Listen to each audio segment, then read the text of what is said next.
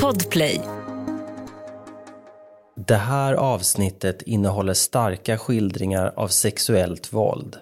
Känsliga lyssnare varnas.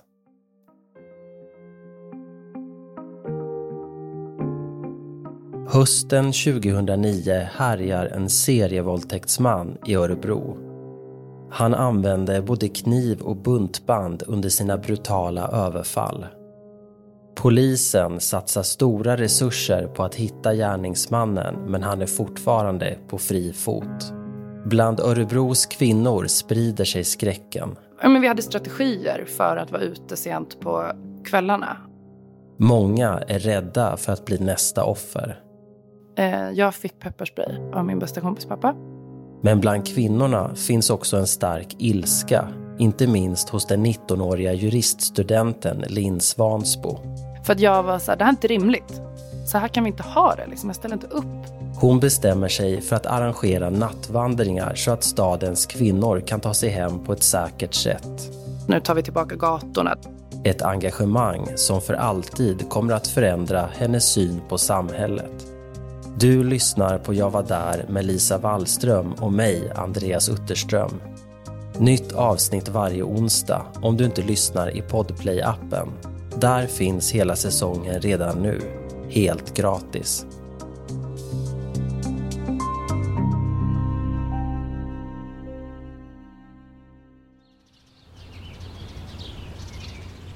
Klockan är kvart i fyra på morgonen den 3 april 2005. Örebro ligger öde, men i Hagaparken är en kvinna på väg hem efter att ha varit på fest. Hon hör steg bakom sig och sen går allt snabbt. Kvinnan känner att någon bakifrån tar tag i hennes armar. Hennes byxor och trosor dras ner samtidigt som hon känner gärningsmannens nakna underkropp mot sina lår. Kvinnan försöker kämpa emot, men mannen är för stark. Det här tycker du om va? säger han. Eftersom kvinnan haft sin luva uppfälld och nu ligger på mage ser hon inte hans ansikte. Ingen annan finns i närheten och hon inser att gärningsmannen kan göra vad som helst med henne. Men kvinnan finner sig snabbt och säger att hon har mens. Då släpper mannen henne och försvinner. Kvinnan larmar polisen och jakten på gärningsmannen drar igång direkt. Men utredarna kommer ingen vart. Samtidigt fortsätter gärningsmannen att slå till i Örebro. Mellan sommaren 2005 och våren 2006 inträffar två våldtäktsförsök. Mellan våren 2008 och december 2009 slår gärningsmannen till sex gånger. Gärningar som senare leder till åtal för misshandel, rån, fyra våldtäktsförsök och en grov våldtäkt. Några av offren ser gärningsmannens ansikte och beskriver honom som en ung svensk man. En kvinna beskriver honom som en robot, någon som inte är kontaktbar. En annan att han luktar illa och verkar drogad. Offren är kvinnor som ensamma promenerar eller cyklar i Örebro nattetid eller tidig morgon. Gärningsmannen överfaller dem ofta bakifrån. Han är våldsam och slår kvinnorna med knytnävarna och hotar att döda dem, ibland beväpnad med kniv, om de inte gör som han säger. Vid några tillfällen fullbordas våldtäkterna. Andra gånger skräms gärningsmannen av ett tidningsbud eller att någon i närheten ser vad som pågår och skriker åt honom. Vid ett tillfälle avbryter han våldtäktsförsöket och cyklar iväg när kvinnan säger “Min pappa är polis, det vet du va?” Hösten 2009 står det klart att en serievåldtäktsman härjar i Örebro. Medierna drar paralleller till Hagamannen i Umeå som greps 2006 och dömdes till 14 års fängelse för bland annat grova våldtäkter och mordförsök. Nu, hösten 2009, sprider sig rädslan bland Örebros kvinnor. I synnerhet de som ofta är ute på krogen och ensamma brukar ta sig hem i natten. En av dem är 19-åriga Linn Svansbo som pluggar till jurist vid Örebro universitet.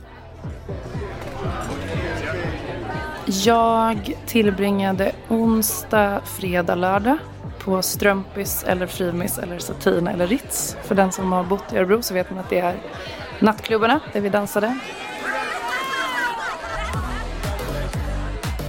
Jag var nog en ganska klassisk, eller ambitiös student. Jag jobbade extra och eh, pluggade extra och gjorde bra ifrån mig och sådär. Men också en 19-åring som eh, dejtade killar och var ute med mina kompisar och stängde strumpis. Studenten Linn Svansbo trivs bra i Örebro. Det är egentligen bara en sak som stör henne. Alltså alla krogar i Örebro stänger ju två. Så för en person som har festat i andra städer så förstår man att det har sina brister. Det var liksom eh, lite, lite korta utekvällar.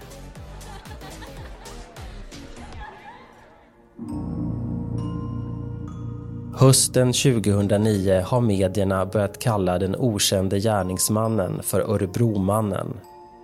I oktober samma år inträffar en misshandel. En månad senare en grov våldtäkt och ett rån och i december ett försök till våldtäkt. Linn Svansbo minns att rädslan för att bli Örebromannens nästa offer sprider sig i kompiskretsen. Det har jag också tänkt på mycket i efterhand, hur knäppt det var att det blev en sån stor del av livet. Att så här, man gick aldrig själv hem från stan. Det var alltid så här, men vi hade strategier för att vara ute sent på kvällarna. Och det var liksom helt eh, nödvändigt. Det var liksom bara så, så vi levde under den perioden. 19-åriga Linn Svansbo brukar normalt sett gå eller cykla hem från krogen. Men hösten 2009 börjar hon och kompisarna i Örebro att ta sig hem på andra sätt. Mer taxi, att man tog sällskap eller alltid pratade i telefon med varandra på vägen hem. Eh, och jättemycket mer så här, ring när du kommer hem, eh, bekräfta att du är hemma. Alltså på ett sätt som är eh, vuxet ansvars, alldeles för vuxet ansvarstagande om varandra. Juriststudenten Linn Svansbo ser också till att hon kan göra motstånd om något skulle hända. Ett säkerhetstänkande som aldrig tidigare har funnits. Det var en kompis pappa som köpte pepparspray till några av oss i, i tjejgänget. Han hävdade att det var lagligt. Han hade importerat det eh, någonstans ifrån på nätet. Och nycklarna mellan fingrarna var ett sånt knep. Nycklar som hemmagjort knogjärn alltså. Kanske är det oron över att vissa ska beväpna sig med värre saker än så som gör att Örebros kvinnor varnas. Jag vill minnas att det var till och med var så att polisen rådde folk att inte vistas ute sent på kvällen. Eller liksom att tjejer skulle vara försiktiga, tjejer och kvinnor eh, skulle vara försiktiga, eh, inte skulle vistas ute sent om kvällarna. Och det är ett, det är liksom å ena sidan inte så konstigt att visa den typen av omsorg om, om liksom stans medborgare, å andra sidan helt sjukt i huvudet. Att, att det går så långt så att hälften av Örebros befolkning skulle bara finnas i ett läge där det är så här, nej nu kan inte vi vara ute sent på kvällarna. Men 19-åriga juriststudenten Linn Svansbo fortsätter att gå ut på krogen.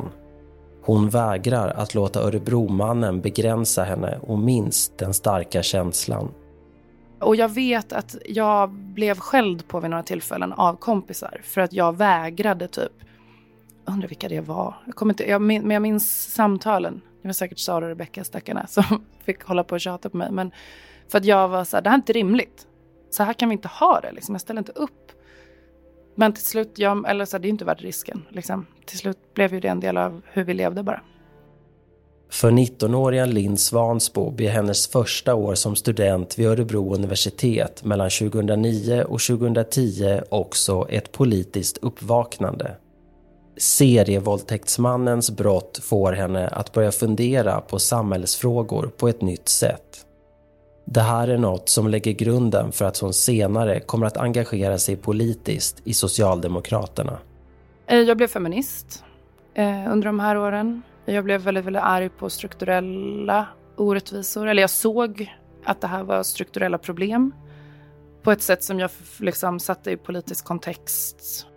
Linn Svansbo minns särskilt ett samtal hon har med sin pappa och hans dåvarande sambo. jag uttryckte så här, jag tror inte att det här är en fråga om kön, jag tror att det här är en fråga om att folk är sjuka i huvudet eller så är de inte sjuka i huvudet. Och då var det hon som sa så här, men hur kan det komma sig då, Linn, att liksom 9, någonting av tio förövare är, är män som utsätter kvinnor och så där. Så det var liksom, det är ett samtal som jag minns väldigt, väldigt tydligt. Och också präglade mycket av min ilska på den, kring hela den här situationen. Liksom. Och eh, att jag fick liksom glasögon på just det här hur det försatte liksom Örebros kvinnor i hemmafängelse. Den 28 mars 2010 inträffar en grov våldtäkt vid Eurostop i Örebro. Vid fyra tiden på morgonen överfaller gärningsmannen en ensam kvinna.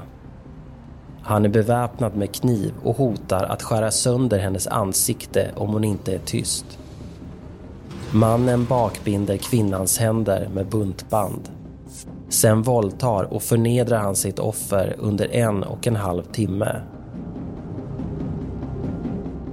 Eftersom gärningsmannen under fem år har lämnat DNA-spår efter sig topsar Örebropolisen omkring 500 män.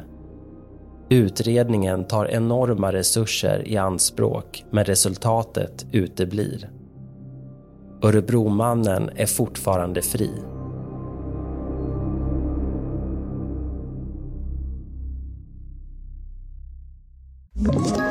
Ett poddtips från Podplay.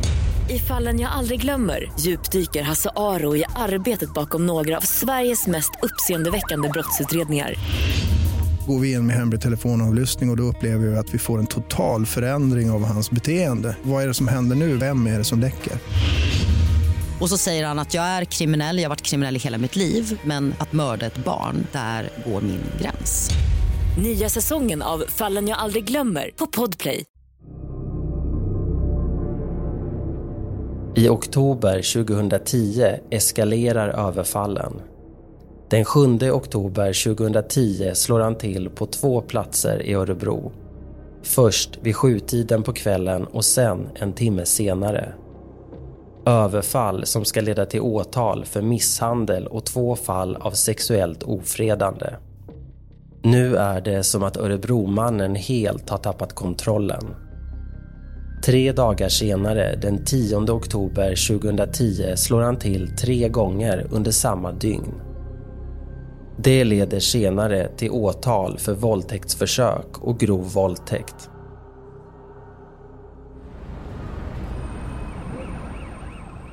Jag vet inte om det var ett sammanträffande men jag minns att jag och min dåvarande granne på Svanåalen där jag bodde på Västra Örebro satt i min lägenhet och hörde jättemycket polissirener och eh, läste liksom att det hade varit en till. Eh, jag vet inte om det var en våldtäkt eller alla, alla var inte fullbordade våldtäkter tror jag men det hade skett ett till överfall. Och att jag bara så på studs, nu får det fan vara nog, det här går liksom inte längre. Och var så arg på det här med skräcken liksom och hur, ja, inte en till liksom och hur långt ska det behöva gå och sådär. Och då, det var sen kväll när jag startade den här Facebookgruppen som hette Nu sätter jag ner foten, är du med? Som bara var så här, vi ses i stan på fredag, eh, vi demonstrerar mot att han håller vår stad i, i järngrepp och sen nattvandrar vi ihop. Liksom. För att visa närvaro på stan och eh, att liksom, vi vill fortsätta känna trygghet i vår stad och sådär. Efter att ha skapat Facebookgruppen går 19-åriga Linn Svansbo och lägger sig.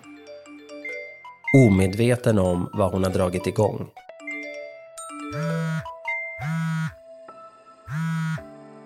Och sen vaknade jag morgonen efter av att P4 Örebro ringde.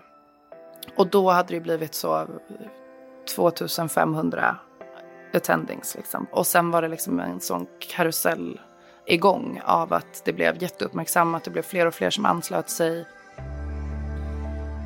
Efter två dygn har cirka 2800 personer tackat ja till att vara med. Linn Svansbo känner sig lite tagen på sängen och nu måste hon gå från ord till handling. Så jag fick ju hasta ihop polistillstånd och allt möjligt enda tentan jag har kuggat för övrigt under min studietid. För att jag bara satte allt åt sidan och var plötsligt liksom projektledare för det här. Nej men så det blev liksom en himla karusell där, både medialt och eh, praktiskt för att få till det här eh, eventet. För sen ville ju så kommunalråd ville komma dit och tala och liksom, det blev ett jättemaskineri. Så här låter det när Linn Svansbo intervjuas i Sveriges Radio P4 Örebro den 11 oktober 2010. Alltså fyra dagar innan manifestationen på Järntorget ska äga rum. Det är inte bara en grej som jag tänkte göra en gång på fredag utan försöka hålla igång det och hålla Örebro lite mer bevakat på, på nätterna. Vad kommer ni göra när ni samlas? Tanken är väl att vi, vi samlas, eh, delar in oss i mindre grupper och sen så bara går vi i Örebro hela, hela natten så man håller det lite bevakat. Vad hoppas ni på att det ska få för utslag? Alltså som jag har försökt förklara för folk också så är, det handlar ju inte om att, att vi ska dra ihop någon, någon privat armé och, och jaga våldtäktsmän. Precis som att det är en, en säkerhetsbidragande funktion så är det lika mycket en manifestation och protest för att visa att vi har fått nog liksom. Klockan två på natten den 15 oktober 2010 är det dags. Linn Svansbo är på plats på Järntorget i Örebro. Hon minns inte exakt hur många andra som har kommit dit för att protestera och nattvandra. Men säkert en tusen pers i alla fall. Nej, jag minns att det var kallt som fasen eh, och att det var otroligt mäktigt. Liksom. Att det var fullt här på torget. Eh, och att vi hade liksom tryckt upp kartor och sådär. Och sen så, jag talade och liksom presenterade mig och berättade om evenemanget och varför vi gjorde det och sådär. Och sen hur det praktiskt skulle gå till. Jag vet att polisen var där och sa någonting om, för de var väldigt oroliga för att jag hade råkat dra igång någon typ av medborgargarde. Har jag tänkt i efterhand att det är rimligt att de kanske var, var nojiga för det. Och sen undrar inte jag om det var någon lokalpolitiker. Jag vågar inte svära, jag minns inte. Men det var liksom fler än jag som sa några välvalda om, om var vi hade hamnat och vad vi skulle göra. Sen nattvandrade vi där och då. Liksom. Så jag delade upp folk i grupper och polisen hade en sån praktisk information om vad man skulle göra om man såg något och vart man skulle ringa och sådär. För juriststudenten Linn Svansbo är den starkaste känslan den av samhörighet. Att gemensamt förenas i viljan att visa serievåldtäktsmannen att han inte kan skrämma Örebros kvinnor. Jag tänker att det är halva anledningen till att man gör det. Bara förenas i någon typ av kamp eller vilja eller åsiktsförklaring eller engagemang. Liksom att det är, man hämtar kraft i att vi är fler. Liksom. Vi syns. Nu tar vi tillbaka gatorna. Det finns liksom något jävligt fint bara i, i det. Journalister älskar samhällsengagerade ungdomar. I 19-åriga Linn Svansbo hittar de inte bara det, utan också någon som ger Örebros rädda och arga kvinnor ett ansikte. Jag blev ju någon typ av så 19-årig lokalprofil där i några månader. Jag vet att jag fick liksom ja, men, tala på någon sån här ljusmanifestation. Jag blev inbjuden till Örebro slott och jag fick något pris som årets, det kanske inte hette årets örebroare, tar jag kanske någon annans titel. Men jag fick, du vet, ja, folk gillar ju engagerade ungdomar eh, och uppmärksamma det och high-fivea det. Och jag fick någon sån alla hjärtans dag-present av eh, Kristdemokraterna i Örebro eh, och gjorde mycket intervjuer och sådär.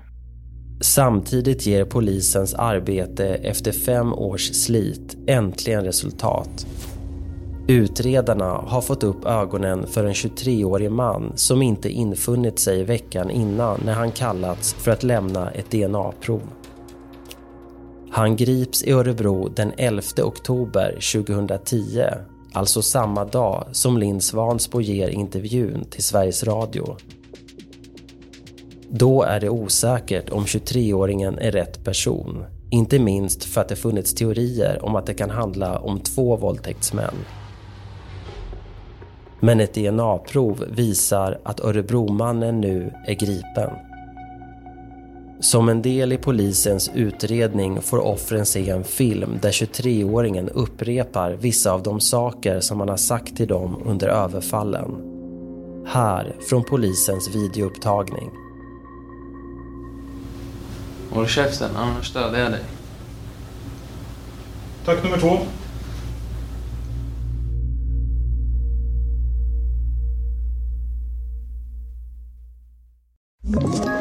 Ett poddtips från Podplay.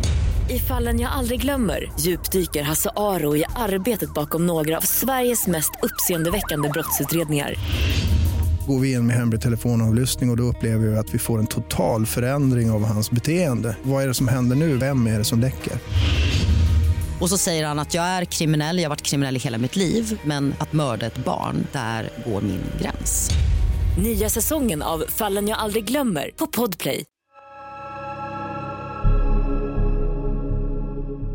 Linn Svansbo minns när medierna i oktober 2010 berättar att rätt person är gripen. Jag vill minnas att nyheten kom ut en kväll. Men då var det ju inte som vi har det nu med nyhetsuppdateringar och sådär. Så jag vill minnas att jag liksom hörde att han hade blivit gripen men att vi fick det bekräftat i medierna dagen efter. Jag kommer ihåg att det var då jag började fundera på vem är det? Liksom. För att eh, hans ålder kom ut snabbt. Och det var tydligt att vi var i typ samma ålder. Och han hade en syster som hade gått i samma årskurs som jag på gymnasiet. Så det var liksom då snacket började. Då minns jag att vi blev liksom lite trollfabrik skulle jag säga så här i efterhand. Liksom. Men att det var då att folk var så här wow, han är... Jag vet inte vad vi trodde men jag såg framför mig någon ful och farlig gubbe liksom. 19-åriga Linn Svansbo och hennes kompisar börjar leta information på nätet. Vem är den misstänkte 23-åringen egentligen? Kan det vara någon de känner eller kanske har gått i skolan med? Jag visste inte vad Flashback var innan detta. Liksom. Det var så jag lärde mig vad det var. Ja, men och att folk började verkligen hålla på. Bara, vem är det? Någon hittade hans namn liksom, eller fick reda på från någon vem det var och sådär. Men hade du någon bekant som typ kände honom eller hade gått samma klass? Eller inte vad jag vet. Nej. Eller det har, jag vet ju folk som gick i hans årskull. Ja, men inte som att, Ing, ingen vän till mig. Nej. Nej. Försvinner oron skulle du säga då bland dig och dina kompisar och andra kvinnor du känner eller hänger den kvar eftersom ni har levt under det här under så lång tid? Någon typ av lättnadens suck upplever jag. jag. Jag kan inte säga att jag ena dagen var livrädd, andra dagen bara pustade ut och liksom sprang oreflekterat runt på Örebros gator. Liksom. Den typen av eh, reaktion kom inte. Men det fanns någon typ av lättnad men också tror jag någon typ av lärdom.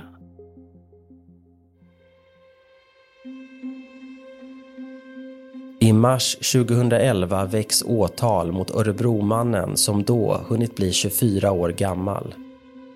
De 16 åtalspunkterna gäller bland annat grova våldtäkter, försök till våldtäkter och misshandel.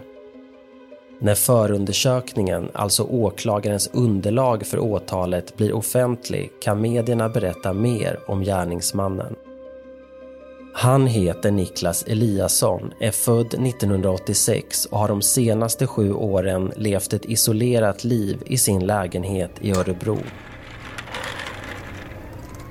Där har han tillbringat många timmar framför datorn med att porrsurfa Eliasson berättar i polisförhör att han i 13-årsåldern börjar stjäla trosor och bhar från torkställningar eftersom det känns spännande.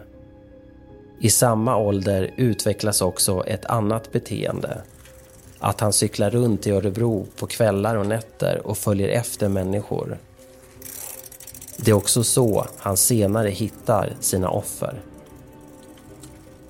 När polisen i oktober 2010 kallar Niklas Eliasson till ett DNA-test så inser han att spelet är över och planerar att ta sitt liv. Men istället fortsätter han överfallen och slår till tre gånger den 10 oktober 2010, dagen innan han åker fast. I polisförhör berättar Eliasson också att han känner ånger inför det som har hänt. Men frågan om han känner ånger inför vad han har gjort säger han sig inte kunna svara på.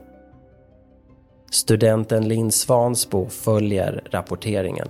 Jag beställer inte förundersökningen och jag läser inte allt, allt, allt. Men jag är uppdaterad.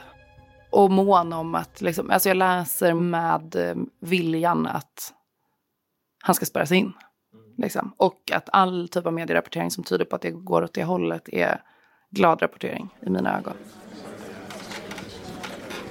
Den 17 mars 2011 så inleds rättegången i Örebro tingsrätt. Där berättar offren hur gärningsmannens brott har påverkat deras liv under lång tid. En kvinna vittnar om att hon efteråt drömt mardrömmar om våldtäkter och mord. En annan att hon inte längre vågar gå ut själv på kvällarna. En tredje om skador i ansiktet som finns kvar i en månad efter våldtäkten. Niklas Eliasson erkänner det mesta av det han anklagas för. Han säger också att offren valts ut slumpvis. I övrigt har han svårt att förklara sina handlingar. Den 15 juni 2011 så meddelar Örebro tingsrätt domen. Så här låter det i Expressen TV. Niklas Eliasson som har beskrivits som Sveriges värsta våldtäktsman är skyldig till att ha våldtagit och misshandlat 15 kvinnor i Örebro-trakten. Det meddelade Örebro tingsrätt på tisdagen klockan 11. Våldtäkterna har pågått i flera års tid, ända sedan Eliasson gick i gymnasiet. Han erkänner brotten och menar att det är inre demoner som har uppmanat honom till attackerna. Nu väntar alltså en omfattande rättspsykiatrisk undersökning. Niklas Eliasson fälls inte för allt som han åtalats för, men en stor del av det. Misshandel, olaga hot, försök till våldtäkt, grov våldtäkt, sexuellt ofredande, försök till rån och vapenbrott som handlar om att han använt något som påminner om pepparspray. Eliasson döms till 12 års fängelse, en dom som inte överklagas. Vad tänker du om det? Eh, att det var lite. Du är ju juriststudent här så du Ja. vet ju hur lagen ser ut. Exakt. Ja. Ja. Nej, jag tror inte att eh, jag förväntade mig längre, men jag eh, minns att jag var besviken. Vad hade du tyckt var rimligt? Jag vet inte. Jag vet inte, men det var så himla många brott och så himla grova brott. Men det är ju inte ett, det är inte ett lågt straff. Eh, Inte i Sverige? nej, eh, det är ju inte det. Rent, rent krasst.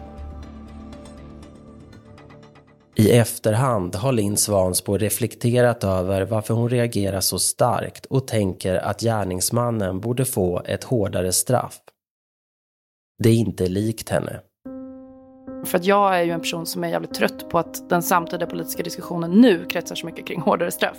Och längre straff och fler fängelseplatser och tuffare liksom. För just nu är det det, det enda vi pratar om. Men det är ju speciellt, det är något speciellt med sexualbrott och hur oerhört mycket lägre straffskala det är. I, Sverige. eller det, om det må de lärda tvista. Men jag tycker, givet många andra brott i Sverige, att sexualbrott har låga straff. Jag tror att jag är liksom onyanserad i min diskussion kring straffet för just honom. Men ur ett samhällsperspektiv är ju det jävligt intressant. Ska han inte duga som människa på andra sidan sitt fängelsestraff? Är det inte det som är syftet? Ska han inte bli en duglig samhällsmedborgare? Och då kan man ju å ena sidan känna, fan heller, jag önskar honom all olycka i världen. Eh, och det har jag all respekt för att man känner. Och så kan jag, vet jag att jag kände där och då. Ehm, å andra sidan, ur ett samhällsnyttigt perspektiv, fundera på vad krävs då?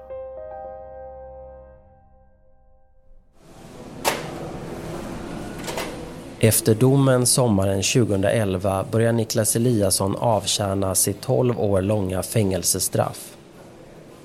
Ungefär samtidigt flyttar 19-åriga Linn Svansbo till Stockholm där hon med tiden börjar jobba som PR-konsult.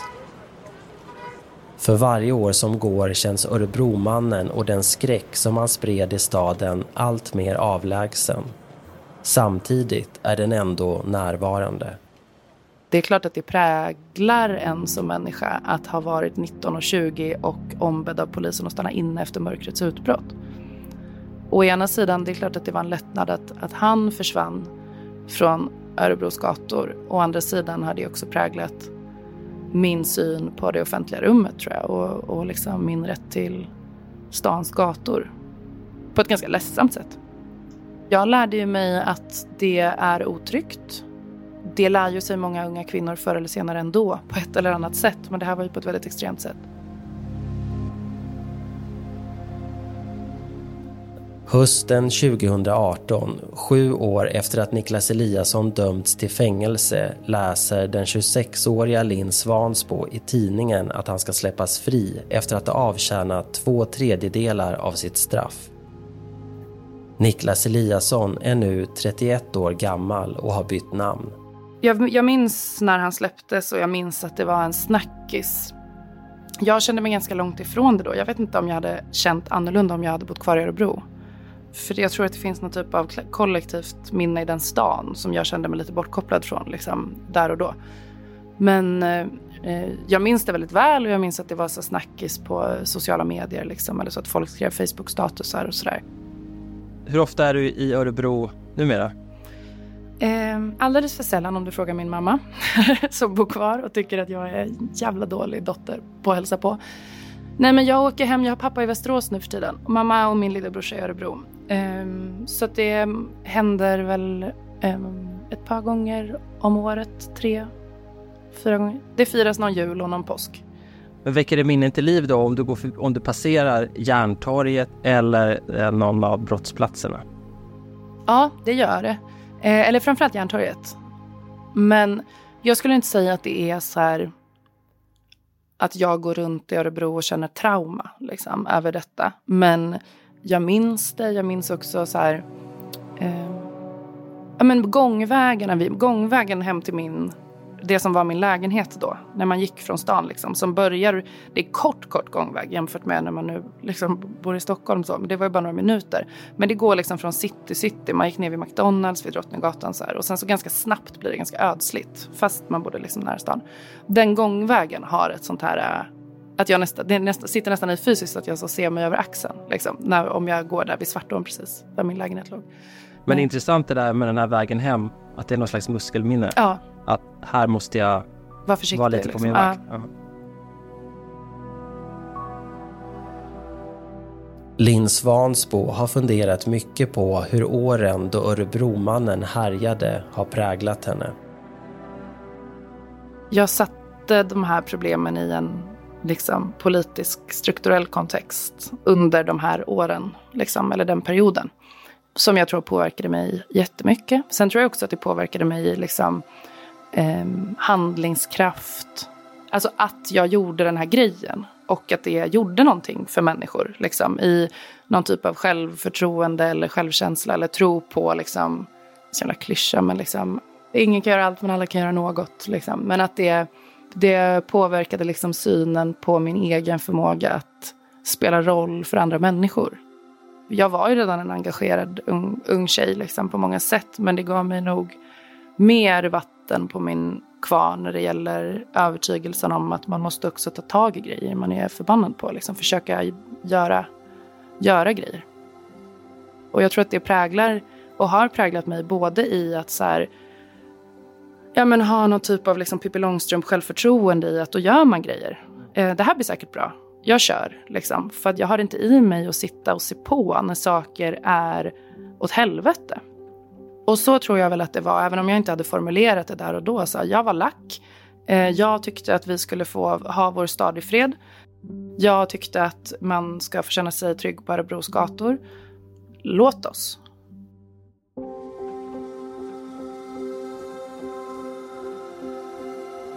Det här är ett patos som finns kvar än idag, 13 år efter manifestationen på Järntorget i Örebro. Jag blir arg på grejer och då gör jag saker. Liksom. Och eh, som det här också lärde mig, oftast är det jävligt bra. Liksom. Ingenting hittills i mitt liv har lärt mig att jag borde lägga av med den magkänslan. Jag står liksom inte ut med motsatsen. Jag pratade faktiskt med en kompis om det häromdagen bara. Vi låg på badstranden och skojade om hur jävla skönt det hade varit att vara en person som bara inte brydde sig om grejer. Tänk att gå runt i livet och bara, jag vet inte vad jag ska rösta på nästa val. Det spelar ingen roll vem som styr. Det blir ungefär samma sak. Jag skiter i klimatkrisen. Eh, jag tar en till burgare. Alltså ganska, det hade ju varit, på många sätt hade ju det varit oerhört skönt. Men jag är uppenbarligen inte funtad så.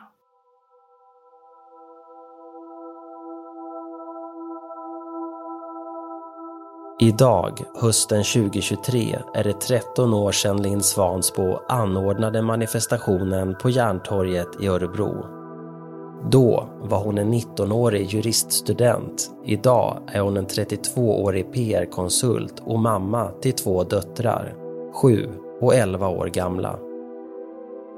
Om ungefär tio år då är de stora nog att gå på krogen själva. Mm. De här upplevelserna som du hade i Örebro när Örebromannen härjade, tror du att det kommer påverka hur du kommer prata med dem om den här typen av frågor? Hur man ska tänka kring sin egen säkerhet, hur man ska bete sig Mm. som ung kvinna?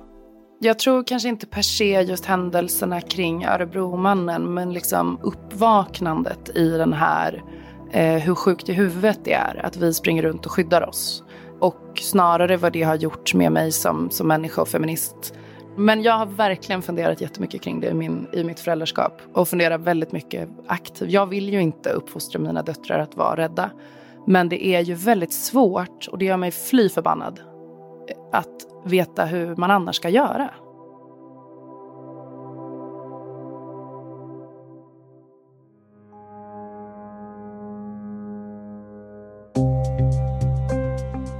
Du har hört Jag var där med Lisa Wallström och mig, Andreas Utterström. Producent är Andreas Karlsson.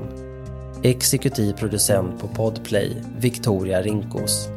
Det här är en produktion av Commercial Content för Podplay. Läs mer om commercial content på vår sajt och följ oss gärna på Instagram och LinkedIn.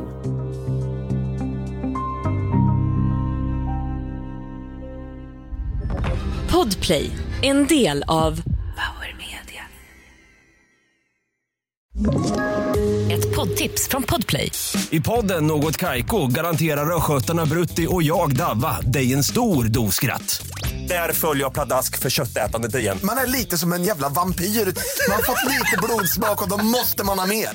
Udda spaningar, fängslande anekdoter och en och annan arg rant. Jag måste ha mitt kaffe på morgonen för annars är jag ingen trevlig människa. Då är du ingen trevlig människa, punkt. Något Kaiko, hör du på Podplay. Därför är gardinerna.